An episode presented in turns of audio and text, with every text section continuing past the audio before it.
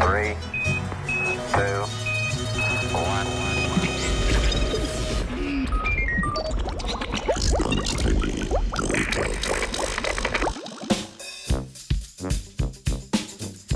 Netarčne mutacije CRISPR-Cas9. CRISPR-Cas9 je del bakterijskega imunskega sistema za zaščito pred virusi. V zadnjih letih pa se ga pogosto uporablja za zelo natančen genski inženiring. Dolgo se je sklepalo, da lahko raziskovalci in raziskovalke z dokajšno zanesljivostjo določijo mesto na genomu, kamor bo CRISPR-Cas9 uvedel mutacijo. A nedavna raziskava, objavljena v reviji Nature Methods, prvič ponuja izsledke, ki problematizirajo nezmotljivost CRISPR-Cas9.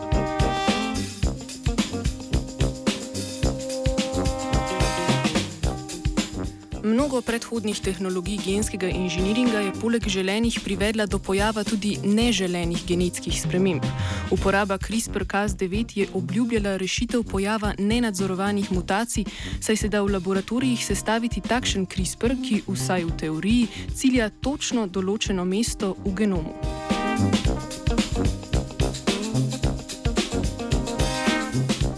Raziskovalci in raziskovalke so že v preteklosti preverjali, ali morda CRISPR privede tudi do tvorbe neželenih mutacij. A ker je sekvenciranje celotnih genomov zamuden proces, so v svojih študijah uporabili bližnico. Tako niso šli preverjati celotnih genomov gensko spremenjenih organizmov, temveč so s pomočjo algoritmov izbrali nekatere najbolj verjetne neželene tarče CRISPR-ja in jih preverjali. Pri takšnem pristopu netarčnih mutacij ni bilo zaznati.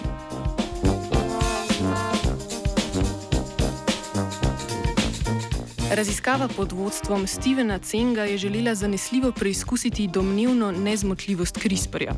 V študiji so sekvencirali celoten genom številnih mišk, ki so bile gensko spremenjene na točno določenem mestu.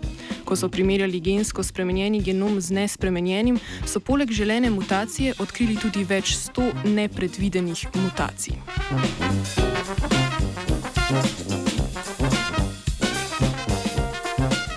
Ker gre za prvo raziskavo takšnega obsega, bo potrebno še počakati na dodatne študije, ki bodo potrdile izsledke. A kljub temu so rezultati potencialno izredno zaskrbljujoči. Nepredvidene mutacije lahko privedejo do raznih komplikacij v celicah, med drugim tudi do razvoja raka.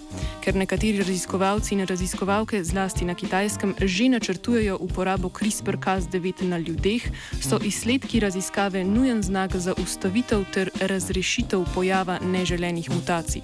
Le povsem zanesljiv sistem za vnašanje mutacij je sprejemljiv za uporabo v kliničnih študijah.